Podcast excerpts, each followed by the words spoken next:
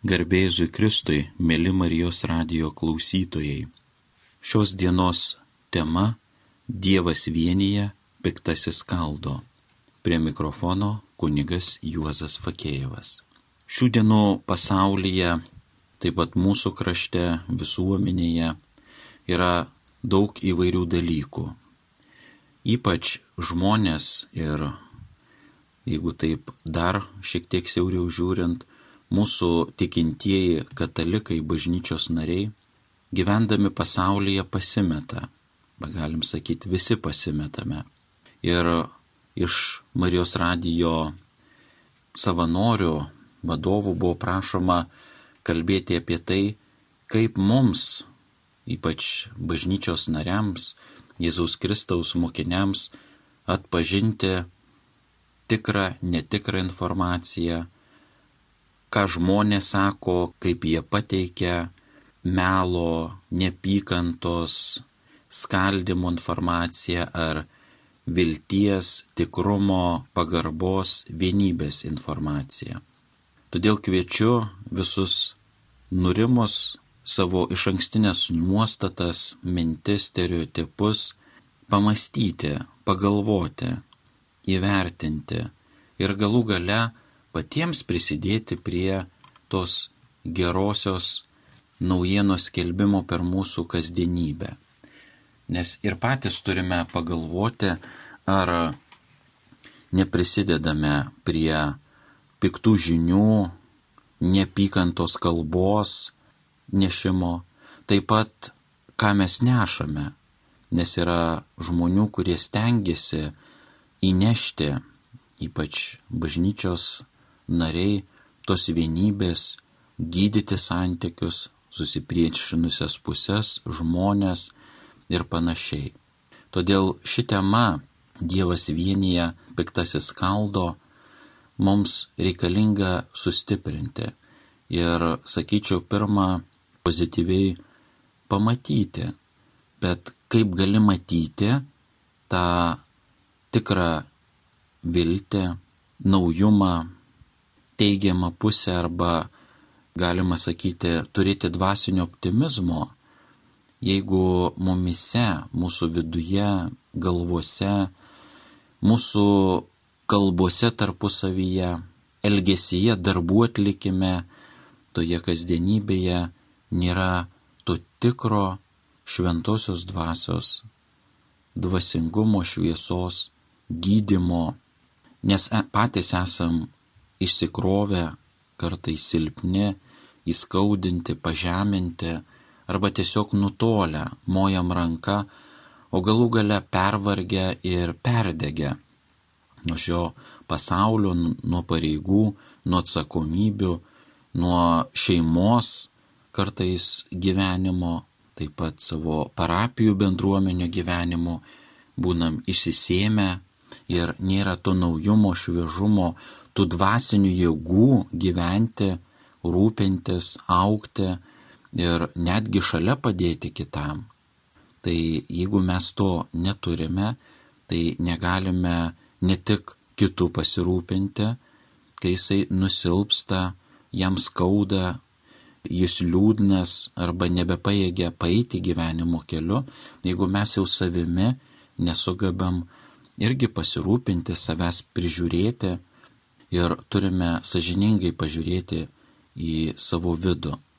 Kas iš tikro mane pripildo, ką aš nešu žodyje, elgesiu, tikėjimo ir savo darbų pareigų atlikimo ir kaip išfiltruoti, atskirti informaciją, žmonių darbus, elgesi, jų nesmerkiant, bet atskiriant, ką jie neša. Nes apaštalas Paulius viename į savo laiškų rašo, smerk nuodėme, bet mylėk nusidėjėlį. Ta pati darė Jėzus, tą patį, į tą patį kviečia mus popiežius Pranciškus, kad nesmerkti, nežeminti net ir to nusidėlio, blogai gyvenančio, darančio žmogaus kleidžiančią informaciją, bet atskirti jo veiksmą moralinį, tą nuodėmę, tą blogį nešamą nuo jo asmens, o pats asmuo Dievo norėtas, mylimas ir geras. Tai turėtume iš tos perspektyvos žiūrėti, mąstyti ir tai gydyti. Taip pat save tuo pakrauti ir save tuo leisti nešti. Bet turim pripažinti kai kurios dalykus, kad e, mes esam priklausomi. Nes pagal šventą raštą ir krikščionišką tradiciją, jeigu mes nesijaučiam pakrikštytieji, to labiau katalikai, priklausomi nuo Dievo, tai natūralu, mes nesugebėsime būti tvirti. Nes tai yra tikrovė - būti priklausomu nuo kito. Taip kaip kūdikis, užaugęs priklauso nuo kito ir negali savarankiškai gyventi, pasirūpinti, taip ir žmogus Nesvarbu, ar suaugęs, ar vaikas, ar jaunas, ar senas, ar užimantis aukštas visuomeniai valstybei pareigas, ar žemesnės, ar jis sveikas, ar suluošintas, visi mes esam priklausomi, nes esam vieni dėl kitų ir vieni su kitais.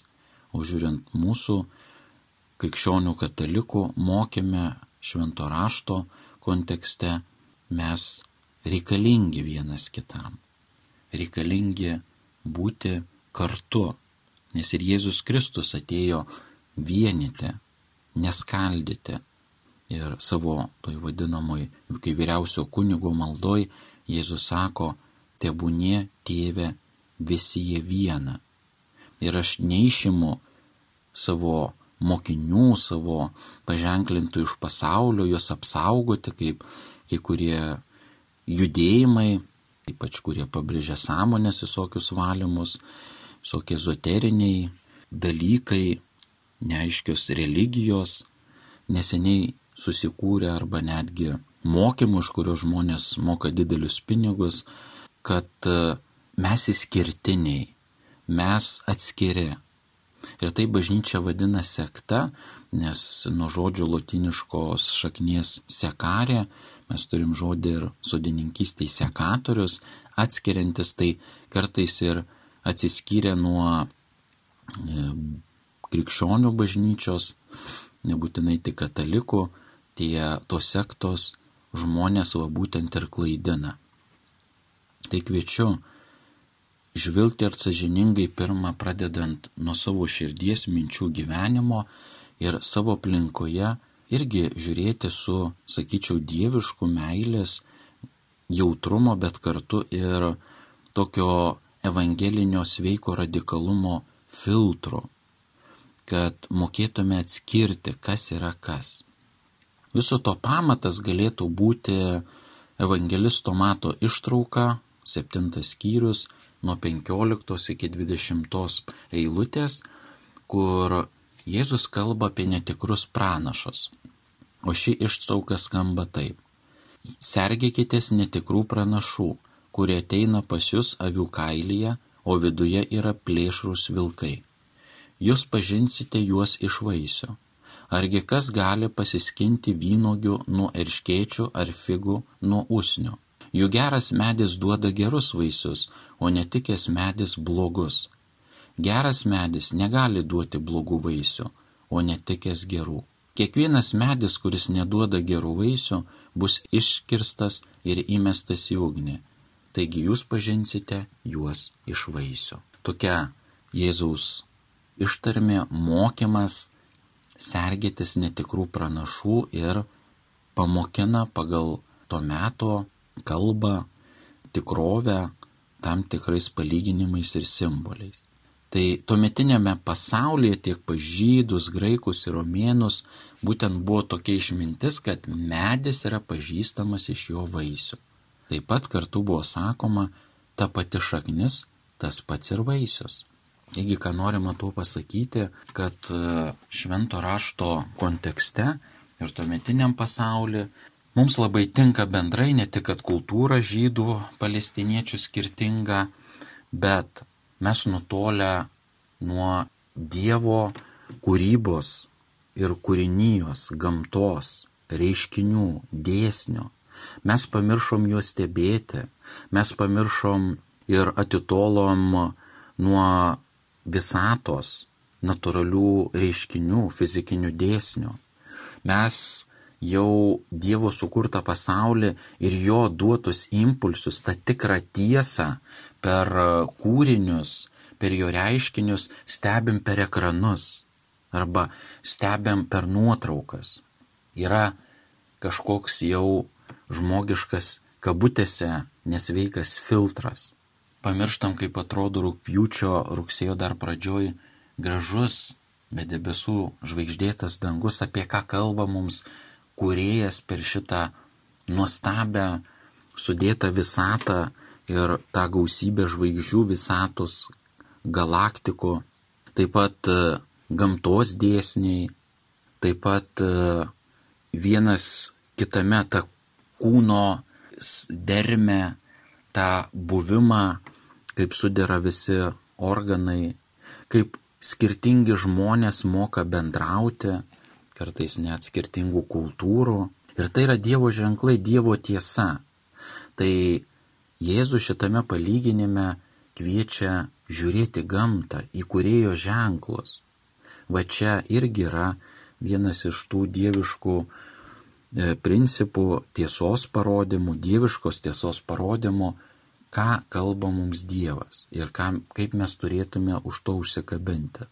Ir čia kalba apie netikrus pranašus, tai savo kalboj galim ir mintyse kalbėti apie žmonės, kurie kalba netikrą informaciją šiais laikais, rašo, transliuoja ir panašiai. Tai Jėzus nori pasakyti, kad netikras pranašas gali būti labai panašus tiek išorę, vilkėti tuos pačius drabužius kaip tikras pranašas ir vartoti tą pačią kalbą, ta, tuos pačius žodžius, savokas. Bet jis yra kaip medis, ir reikia stebėti jį. Taigi, kai mes e, išgirstam informaciją, mes turim sužinoti, kas tai per žmogus, kokios vertybės, ką jis veikia, kaip jis elgesi. Pavyzdžiui, labai geras palyginimas yra, kai tėvai tingi auklėti savo vaikus ir nuo mažumės tas labai, žinokit, skauda širdį, matant, kai tėvai įbruka išmanoji telefoną arba planšetę. Nes tingi su vaiku pažinti pasaulį, eiti, kalbėti, rodyti gamtą, ugdyti jį, labai gražiai popiežius yra pasakęs, stebėkit tėvais gyvūnus, nes gyvūnų patinai ir patelė žaidžia su savo e, palikonimis, tai perdodami jiems jų rūšiai, jų grupiai išlikimo instinktus. Žaidžia, perdodami gyvenimo tikrovę. Tai būtent kad mes šito turim nepamiršti, jog esam tikroviai.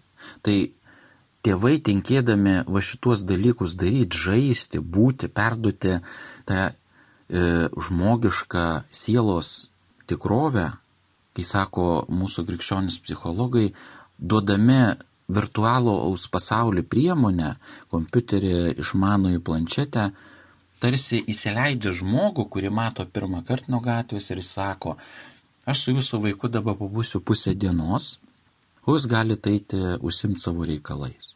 Tai komentuojama, jūs atiduodat vaiką į žmogaus rankas, kuris, kurių nepažįstat jo vertybių, santykio su vaikais, kiek jis moka bendrauti su būtent tokio amžiaus vaikais, kuriuos jūs patikit. Tai anapus ekrano informacinio šaltinio būtent tokie žmonės auklėja šeimų vaikus.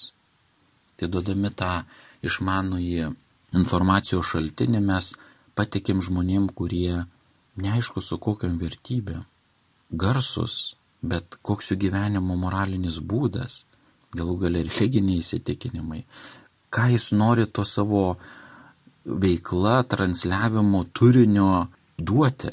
Tai labai svarbu. Iš šito švento rašto vietos mes turime išgirsti, kad tikrasis bet kokio mokymo išbandymas yra toks. Ar jis stiprina žmogų, nešant gyvenimo naštą ir padeda eiti tą kryptimę, kuria jis turėtų eiti. Tai yra, ar neišmuša žmogaus iš vėžio pamatinių dalykų. Tai pagal šitą švento rašto vietą pagrindinis netikrų pranašų trūkumas yra jų savanaudiškumas. Jie žiūri tik savo naudos. Tai dėmesio, jeigu išgirstam iš transliuojamos informacijos ir šiame gausiame informacijos pasaulyje, amžiuje, tai ar žmogus nesiekia savo naudos. Taip pat Toliau žvelgiant pagal šventą raštą, tikrasis ganytos labiau rūpinasi savo kaimenį nei savo gyvybę, o vilkui rūpi tik numalšinti savo alkį. Tai yra jis pergyvena tik dėl savęs, kleisdamas informaciją arba gyvendamas tokį netinkamą moraliai gyvenimo būdą. Ir labai svarbu atkreipdėmėsi, kad tas, kuris skelbia informaciją arba gyvena tą klaidingą informaciją, ypač nori traukti kitus, kad moko ne tai, ką gali duoti daugiau kitiems, pasidalinti, išdalinti save, ką moko Kristus, o tai, ką gali gauti tik pats savo egoistiniam ir tik asmeniniam poreikiam ir tikslam. Tai va būtent Jėzus perspėja apie tai. Labai įdomiai žydai turėjo mokytojus rabinus, yra užrašyta išmintis, tai mat vienas rabinas Zadokas sakė, Nesidaryk savo karūnos iš įstatymų išmanimo, kad pasirodytum žmonių akivaizdoje, nei kastuvo, kad galėtum kasti. O kitas rabinas Hilelis sakė, kas naudoja įstatymo karūną išoriniams tikslams, tas išnyks arba bus sunaikintas. Tai būtent žydai gerai žinojo, kas yra mokytojas, pasakytume mūsų dabar tie žinių skelbėjai arba įvairūs e, mokytojai, kočeriai, kuris savo mokymą naudoja savanaudiškiams interesams, turėdamas vieną tikslą - gauti iš to naudos. Ir šis savanaudiškumas mokytojai gali pasireikšti trimis formomis. Tai pirma, jis gali mokyti tik siekdamas pelno, kad galėtų pasipelnyti ir geriau gyventi. To, tarp kitko, ir e, mokina būtent tos tikros jau sektos lyginės sektos lyderiai, kurie aiškina, kad tikint Dievą, va vienas iš melų religiniam kontekste ir ezoteriniuose judėjimuose tas melas kleidžiamas. Jeigu tu tikėsi, jeigu įsigysi iš mūsų tą literatūrą, tą kažkokį ženklą neaišku, po kurio gal ten šetonas lypė ar panašiai, tai tau pritrauks pinigus, sėkmę. Nėra taip lengvai, dabar žiūrėkit, kiek knygų prirašyta apie tai, kaip pritraukti pinigus ir sėkmę. Jeigu žemėje būtų taip lengvai ir žmonių mechanizmais sukurta sėkmė, tai mes čia visi būtume milijonieriai, nieko nestokotume. Tai, tai nėra tikra. Antra, jis gali mokyti tik dėl savo prestižo, kad pakelti, nors iš esmės ten apie nieką. Žiūrėkim, yra žmonių, kurie įsakom, aferistai, mulkintojai. Jie nors ir bankrutuoja, jos teisės sauga sugauna, apibauduoja, net e, kai kas gauna ir realaus laisvės atėmimo, bet jie vis tiek kyla, vėl vis tiek apgaudinėja ir jie sudaro tokį prestižą, tokį įvaizdį, kad tai yra gerai. Jis sako, dalį kvailelių, silpnesnių žmonių patraukia ir jie patikė. Kai mes sakom, ne, ne, aš tai neužkipčiau, Ir kaip tik, vat, kai sako, gyvenimas pakiša keulę ir užkimba, išvilioja telefoninius sukčius iš tavęs pinigus, banko kortelio pinus, ba, nusiperki daiktą, kurio nereikia ir tave įtikina, o tu namuose turi, dar geresnį ir panašiai. Ir trečias dalykas, kad e, tas samanaudiškas mokytojas pasirodo, kad jis skleidžia tik savo asmeninės idėjas. Nes man taip atrodo. Kas man taip atrodo, nereiškia, kad visiems tinka. Pasidalint patirtim taip, bet nereiškia, kad tiks. Ir mums biotikoje seminarijos metu buvo paaiškintas tas moralinis principas, kad jeigu sirgo vienos moters vyras tą pačią onkologinę formą ir turinio lyga, netiks jo vaistai kitai moteriai, kuri galėjo, nes pasidalino ta pirma moteris su savo kaiminė ar gera draugė ar giminaitė tais vaistais, kuriais brangiais gydėsi jos vyras, bet išėjo iš šio pasaulio. Ir antrasis irgi numirė. Bet neėjo pas specialistą įsirašyti tikrų, jam reikalingų jo lygai asmeniniai tų vaistų. Tai savo idėjas, tai nebūtinai tiks, aš tai padariau ir tau tiks. Nebūtinai. Arba tik savo idėjas. Tai jos atsiminkim, va tikinti žmonės, nu, žmogus netobulas. Tos idėjos nėra šimtaprocentinės, tik Dievas yra tobulas. Mes tik čia dalį pritaikome arba tam tikrą laiką tinka, žiūrėkime, viskas kinta, keičiasi net tuose pačiuose dalykuose ir mūsų bažnyčiai formos kinta, esmė tik nesikeičia. Dievas nesikeičia, jo skleidžiama žinia nesikeičia, turinys žinios nesikeičia, bet forma keičiasi, ar ne? Taip pat e, ši ištrauka, kuri buvo perskaityta, perspėjant apie netikrus pranašus, daug pasako apie blogus vaisius, kuriuos neša netikri pranašai. Ir e, būtent e, tie pranašai, nu, rodo, kaip gyvena. Tai reikia stebėti. Tai vad, nuo ko aš ir pradėjau savo pradžioje katechezės, reikia stebėti, kaip gyvena, kaip vyksta viskas, ar kalbai nuo, kalba nuo žodžių nesiskiria, santykiuose. Tai reikia stebėti. Ir dabar daug informacijos yra, jeigu tas žmogus mūsų akiratyje, mūsų visuomenėje, nes negali žmogus susiengažuoti ir skleisdamas melą išgyventi. Kristus yra pasakęs, tai kas paslėpta bus atidengta ir ką kalbu slaptoje bus skelbiama plačiai. Tai būtent. Tai iš tikro ta informacija, kurią mes gauname arba e, turėtume gauti, mus kaip tik turėtų nuraminti, mūsų vidų suvienyti. Taip kaip mūsų ir tikėjimas, ir Jėzus atnešta žinia, turi mūsų artinti, o neskaldyti. Taip pat jungti žmonės į vieną šeimą, o neskaldyti į kariaujančias grupės. Tai va turim jausti, kas per informaciją. Taip pat, kad ar tai nesiekia ir neteigia, kad nori paimti monopolį, vos netapti dievu, mesijų, gelbėtų, ką prieš rinkimus mes patiriame turim stebėti žmonės. Ir tas labai yra būtent e, svarbu pamatyti, suprasti.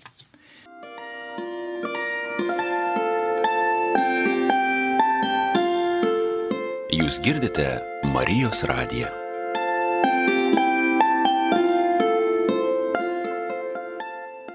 Šiandien katechezės Dievas vienyje, piktasis skaldo, prie mikrofono kunigas Juozas Fakėjevas tęsiam apmąstymus šią temą.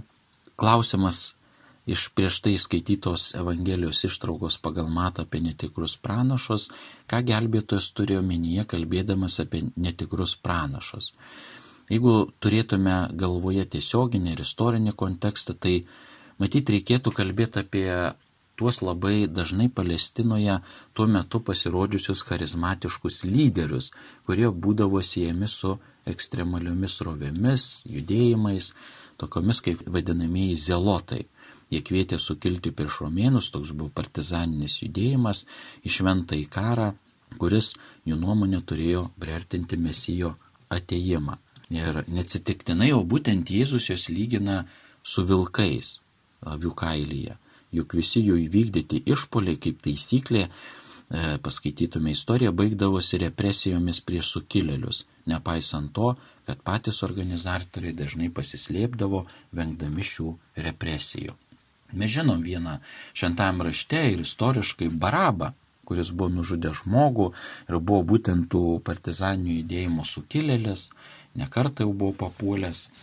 Ir kai minė turėjo rinktis tarp Barabo šito partizaninių judėjimų vienu iš lyderių ar narių ir Jėzaus. Tai pasirinko melą paleisti Barabą ir nukryžiuoti Jėzų teisui, kuris net nebuvo nuskriaudęs nei fiziškai, nei morališkai nei vieno žmogaus. Va būtent. Ir matom, kaip suklaidina informacija arba melas. Žmonės sutelkia save įstato į mesijų vietą ir matom istoriškai. Kenčia nekalti žmonės, organizatorius, tas melagingos informacijos, neteisingos informacijos kelbėjai, jie pasislėpia organizatoriai. Tai va čia yra ir reikia stebėti ir dabar mūsų irgi visuomenė ir pasaulyje žiūrėkime, ką daro tie, kurie paskleidžia žinę, ne va, aš čia gelbėsiu, čia sistemą, modelį sukursime, ne. Kai nepavyksta, sugriūna arba teisinasi, arba, kai sako, bėga už nugarų tiems, kurie stojo priekyje krūtinę. Ir žiūrėkim, vat, lyginkim visada, žiūrėkim, vyresnės kartos žmonės ir aš atsimenu, tai nebuvo kopijavimo aparato ir reikėdavo kažkokį perpešti kiek įmanoma tiksliau piešinį. Tai ką darydavom? Uždėdavom ant lango e, originalą su piešiniu, ant originalo piešino vėl prie stiklo pridėdavom baltą lapą ir apvedžiodavom linijas kontūrus, kad tiksliai nukopijuotume. Tai ką aš noriu pasakyti, mes gautą informaciją turėtume dėti kaip ant to piešinio originalo Evangelijos, ant Jėzaus mokymo ir tikrinti, ar tai neprasilenkia. Arba daryti sąžinę sąskaitą, patikrinimą pagal bažnyčios klausimus arba moralinį mokymą. Aišku, reikia skaityti šventą raštą, būti maldo žmogumi, nes tada sąžinė ir vidus pradeda judėti. Nes jei žmogus gyvena maldos gyvenimą, aktyvų bažnytinį gyvenimą, praktikuoja namuose ne tik kars nuo karto sekmadienį arba tik sekmadienį bažnyčiai, bet gyvena tuo kasdien, jo vidus yra skaidrus ir jis jaučia, kas sakoma ir su kokia intencija tikslu morališkai sakoma. Ir viešpaties siūlomas gėrio ir blogio atskirimo principas mums gali būti labai net nepatogus iš tos ištraukos ir Jėzaus mokymo kiekviena pocha ir kiekviena žmonių grupė vienai par kitai bando tą tiesos principą nukirsti ir apeiti, nes jei iš tikrųjų atpažinsime medį šio vaisių, tai turėsime pripažinti gėrių tai, kas mums nepatinka, nepatogu ir blogiu tai, ką norėtume pateisinti. Reikalas tas, kad labai dažnai tam tikra realybė, kurią stengiamės įvertinti pagal siūlomą principą, duoda kartais ir gerų, ir blogų vaisių. Tai kai žmogus padaro visuomenį rezonansinį nusikaltimą arba šalia matom gyvena žmonės nemoralų gyvenimą. Teisės saugos institucijos jį prigrėbė taip liaudiškai tariant ir sakom teisingai, įstatymai teisingi, gyveno nemoraliai, kenkia ne pagal e, nustatytus įstatymus ir panašiai. Bet jeigu aš atsiduri nusikaltėlio vietoj, tikrai prisidirbęs pagal įstatymus ir man taikomos sankcijos pagal nustatytą teisę, jau įstatymai yra blogi ir norime apeiti. Ar tai sažininga? Taigi turim stoti veidas į veidą ir tada jau pripažinti. Nes kai kitą teisę vadinam visų kuo, tai jam tinka įstatymai ir sankcijos. Bet kaip tai paliečia mane arba artimiausią žmogų, jau netinka. Jau kitas klausimas, ar teisingai ar neteisingai taikoma, ar interpretuojama kitaip, čia kitas klausimas. Bet pati esmė ir pats principas. Tai tas pats ir mums tikintiesiam, katalikam, negalima, ypač vat, atkreipkim dėmesį po atgailos sakramento išpažinties.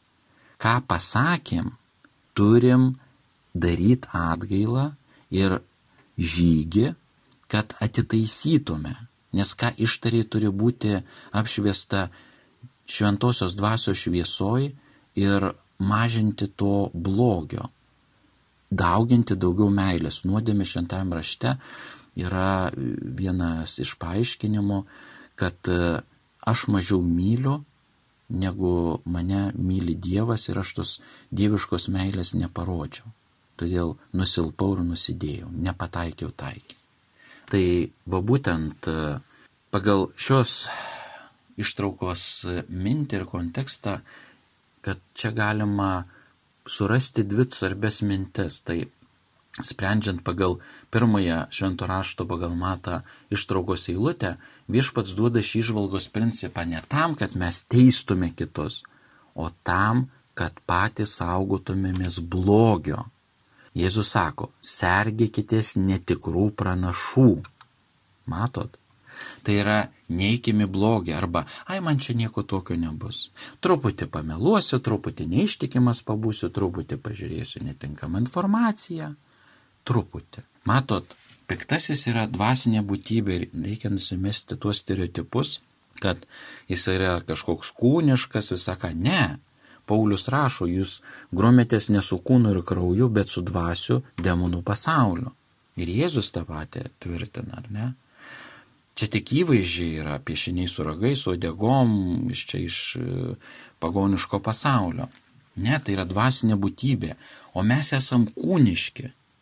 Ir mes turime emocijų, poreikių, troškimų, taip pat turim jūslės. Piktasis visada laimės prieš mus, nes mūsų silpna vieta yra kūnas ir jo ribotumas, jo poreikiai, troškimai. Negalime leisti, sergėkitės sergėkimės, nes mūsų skaidės. Mūsų skaidės ir mes nebeatsilaikysim arba atribos nuo, e, kaip tikinti, nuo Jėzaus Kristaus kaip tiesos meilės šaltinio, nuo artimųjų, nuo bažnyčios bendromis ir panašiai. Ir antras dalykas atitinkamai turėtume tai pirmą taikyti savo. Jeigu pažiūrėtume paštalo Paulių žodžius, kuris rašo apie dvasios vaisius laiškas Galatams penktas skyrius, Dvasios vaisiai yra meilė, džiaugsmas, taika, kantrybė, malonumas, gerumas, ištikimybė, romumas, susivaldymas. Tokiems dalykams nėra įstatymų. Tada pamatysim, kad apaštalas tokius vaisius išvardė ir tai, kas priklauso žmogaus vidui, jo asmenybės būsenai. Taigi atskirimo pagal vaisius principas atrodo taikomas, kokį vaisių tai duos manyje. Štai kas turi būti vertintina. Ir tai paaiškina sumaištį kylančią, bandant vertinti kitus šiuo principu. Todėl nenustabu, nes mums paprastai nerekomenduojama teisti kito. Tai va už tai Jėzus sako, būdėkite, morališkai turim būti budrus. Jeigu aš einu į kompromisą su sąžinė ir su liaudiškai piktuoju oboliaut, kokius vaisius tai neš. Nes paskui sąžinės priekaištai, neramybė, ką ta informacija duos mano kaip kataliko ir Jėzaus mokinio gyvenimui vidui, nes po to aš turėsiu su tuo gyventi ir atsiminkim, kad mes nuodėmėm ir kai leidžiamės primti tą informaciją arba pagundom, mes maitinam piktojo ir demonų pasaulį. Jis stiprėja piktasis. O kai aš einu ir kovoju tą už e, Dievo tiesą, viltį, meilę, gailestingumą, net ir iškesdamas sunkumus, aš einu į Dievą ir Jis mane maitina. Tai tas labai svarbu. Ir dėmesio, bet atkreipkim dėmesį, graikiškai simbolios yra vienyti, klyjuoti, jungti. Todėl ir vadinasi, ir turėtume įprasti vadinti tikėjimo išpažinimą ir pirmie krikščionys vadindavo tą tikiu į Dievą tėvą tikėjimo simboliu. Mes išpažįstam vieną Dievą, vieną gelbėtoją Jėzų Kristų, šventąją dvasę, kurią paliko ir kurią mes turim gyventi, alsuoti ir būti vat pripildyti dvasios tiesos malonės. Viena bažnyčia, viena bendruomenė, kur broliai seseris ir skleisti vienumą, kuris ateina iš Dievo, vedant bažnyčią ir Jėzaus Kristaus Velykiniam įvykiui. Ir antras žodis savoka diabolio - skaldyti, plėšyti, mėtyti graikų kalboje. Tai taško. Tai jeigu aš eisiu artin į demono pasaulį, į piktojo, į tą netiesą, aš save draskau, aš save išmėtau, o per mane aš kitus skaldau. Ir atsiminkim nuodėmė, tas blogis, kurį padarom, ypač tyčia, galvom, kad vieni niekas nemato, nebent Dievas, bet nueisiu atsiprašysiu ir viskas bus gerai. Skaldo bažnyčios vienybė, tikinčiųjų vienybė. Štai dėl ko Kristus sakė, vadinkit vienas kitą broliais ir kunigai eilę metų, amžių kreipiasi ir stengiamės mes ir patys kunigai, ir tikinčiuosius mąstėme širdyje pakeisti. Mes esam broliai seserys. pradedant, kad pakrikštyti ir einant į pasaulį matyti kiekvieną žmogų kaip šeimos narį. Nes, žiūrėkime, jeigu mes pamatom e, šeimos narį, kuriam nesiseka prisidirbęs, susižeidžia, sužinom, kažkas paskambina, taigi pergyvenam, dedam visas jėgas, metam visus darbus, visas veiklas, savo poreikius, troškimus, dabartinę veiklą, kurią darėm, bėgam gelbėti, dedam visas lėšas, kad tik žmogus išgyventų. Tai jeigu mes bažnyčiai taip turėtume tą vienybę ir tą sąžinę širdies jautrumą, juk čia šalia manęs yra brolis sesė Kristuje, kuri mes susirinkom Dievo vardu Dievo tautą bažnyčią. Ir išėjai iš bažnyčios visuomeniai darbe kaiminystėj, turėtume tą tokį daigą, juk aš negaliu jo smerkti. Jis mano brolis esu arba aš turiu jam padėti, jis nusilpęs, netgi dėl savo klaidos ir e, kvailumo tą padaręs, tyčia. Juk ar mes merkiam šeimos narį, švarom, iš ko neveikiam ir panašiai, ar mes jį žeminam ir išnešam jo nuodėmę į viešumą, į, į visuomenę? Ne, gydome, mylime, duodame su žemiškus resursus, net savo sveikatą ir gyvybę pagatavę atiduot, kad tik jis būtų apsaugotas ir jis gyventų. Štai kas yra bažnyčia, štai kas yra simbolios - vienyti, būti tiesoje. Atsiminkim, tai aš primenu, per Krikšto sakramentą mes turim vis atnaujinti ir atnaujinti, nes matom amžiai iš amžių, atrodo, prieš 2000 metų Kristus atėjo, visas išganomasis įvykis yra, bet vis reikia atnaujinti. Tai primenu, kad keturi dalykai turėtų mums katalikams svarbus būtų būtent gyventi tiesoje, atskirti tą tiesą ir filtruotą informaciją centre mūsų tikėjimo pirmas dalykas - Jėzus Kristus, Dievas tapęs žmogumi. Asmens religija yra krikščionybė. Dieviško asmens. Mes su juo turim tapatintis, jį pamėgdžiot ir pėdą į pėdą dėti gyvenimo kelią eiti. Antras dalykas - šventas raštas. Reikia skaityti. Kaip tu imituosi Jėzų Kristų pasaulyje, jeigu tu nežinai, kas ten parašyta, ką jis sako ypač keturios Evangelijos apaštalų darbai. Tas labai svarbu ir ten visų atsakymų reikia ieškoti. Ieškokim ypač išminties literatūros, daug visokių patarimų apie tą tiesą informacijos ieškojimą ir Kristus, ką sako. Jeigu skaitot užsienio kalbą ar yra šiek tiek lietuvių, truputį komentarus pritaikytos mūsų gyvenimui, nes visada aktualus šventas raštas Dievo žodis. Trečias dalykas - tyla, tyla ir malda. Pripažinkim, tyla yra deficitas. Mes negalim pabūti su savimi. Tai iš kur mes žinosim tiesą, jeigu mes neįeinam į savo širdį tyloje, kaip į šventovę ir atsinešam viską už tai, net ir į bažnyčią ateinant tam tikrą prasme simbolinę turim pasilikti, kaip grįžę iš priekybos centro, apsipirkę prieš didžiąją šventę arba ten remontus darydami, visus krepšius prie durų, visus reikalus. Aš turiu ateiti tuščias, tyloje į savo šventovę. Asmeniškai namie ir bendruomeniškai į bažnyčinę bendruomenę. Nes jeigu aš ateisiu pilnas visko, taip kaip apsiprekinės po pažastim, krepšiai dantyse, ant ausų visko prikabinta, Dievas neturės ką įdėti dvasinių malonių. Sakys jau tu pilnas, kad tavo rezervarai pilni. Nes, kai aš išeisiu po maldos ir tylos laiko, ir jau bažnytiškai, bendruomenė Euharistija ir asmeniškai, aš galbūt sunkumų, kurie neprivalomi, kuriuos atsinešiau, paliksiu ir ne viską pasimsiu. O galbūt tik vieną kitą iš tų nešuliukų, kraustuliukų pasiimsiu, nesuprasiu. Dievas mane pripildė to, ko negali duoti šis pasaulis ir bet kokia čia informacija žemiška. Ir ketvirtas dalykas - bažnytinė bendruomenė ir bendruomeninis gyvenimas, ypač sekmadienį, ypač bažnytinių švenčių metu. Nes mus bažnyčia, bažnytinė bendruomenė patikrina, sustiprina, atidaro Dievo duotus talentus ir išmokina Primti kiekvieną žmogų tiesoje, toks, koks esi ir aš save pristatau, ką padarė popiežius Pranciškus, pradėjęs savo pontifikatą.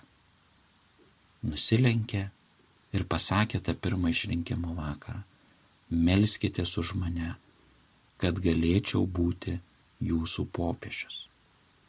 Ta tikroji tiesa - nuolankumas. Jėzus buvo nuolankus. Bažnyčiai mes tampam ir mokinamės būti nuolankus, kad galėtume būti priklausomi nuo Dievo per brolį ir sesę. Man reikia tavęs ir kito. Ir štai dėl ko kartais katalikai nenori gyventi tiesoje ir vat neišfiltruoja tos tiesos, netranda, nes neskaito švento rašto, bijo maldos tyloje, būti bažnytiniai bendruomeniai ir šauktis Jėzaus Kristaus, nes juos pradės keisti į gerą. Ir tai, ką susikūrė kartais kaip Dievas, įsikasęs tris metrus pamatus egoizmo, egocentrizmo, reikės viską iš pamatų keisti. Jėzus, Dievo žodis, malda tyloje, bažnytinė bendruomenė, kur tu jautiesi nuoširdžiai ir pats įdedi indėlį, tave keičia. Mėly Marijos radio klausytojai, kviečiu būti tiesos akimirkoj prieš Dievą, prieš kitus, prieš save ir tada atpažinsime, kokia yra skelbiama informacija ir transliuojama žinia.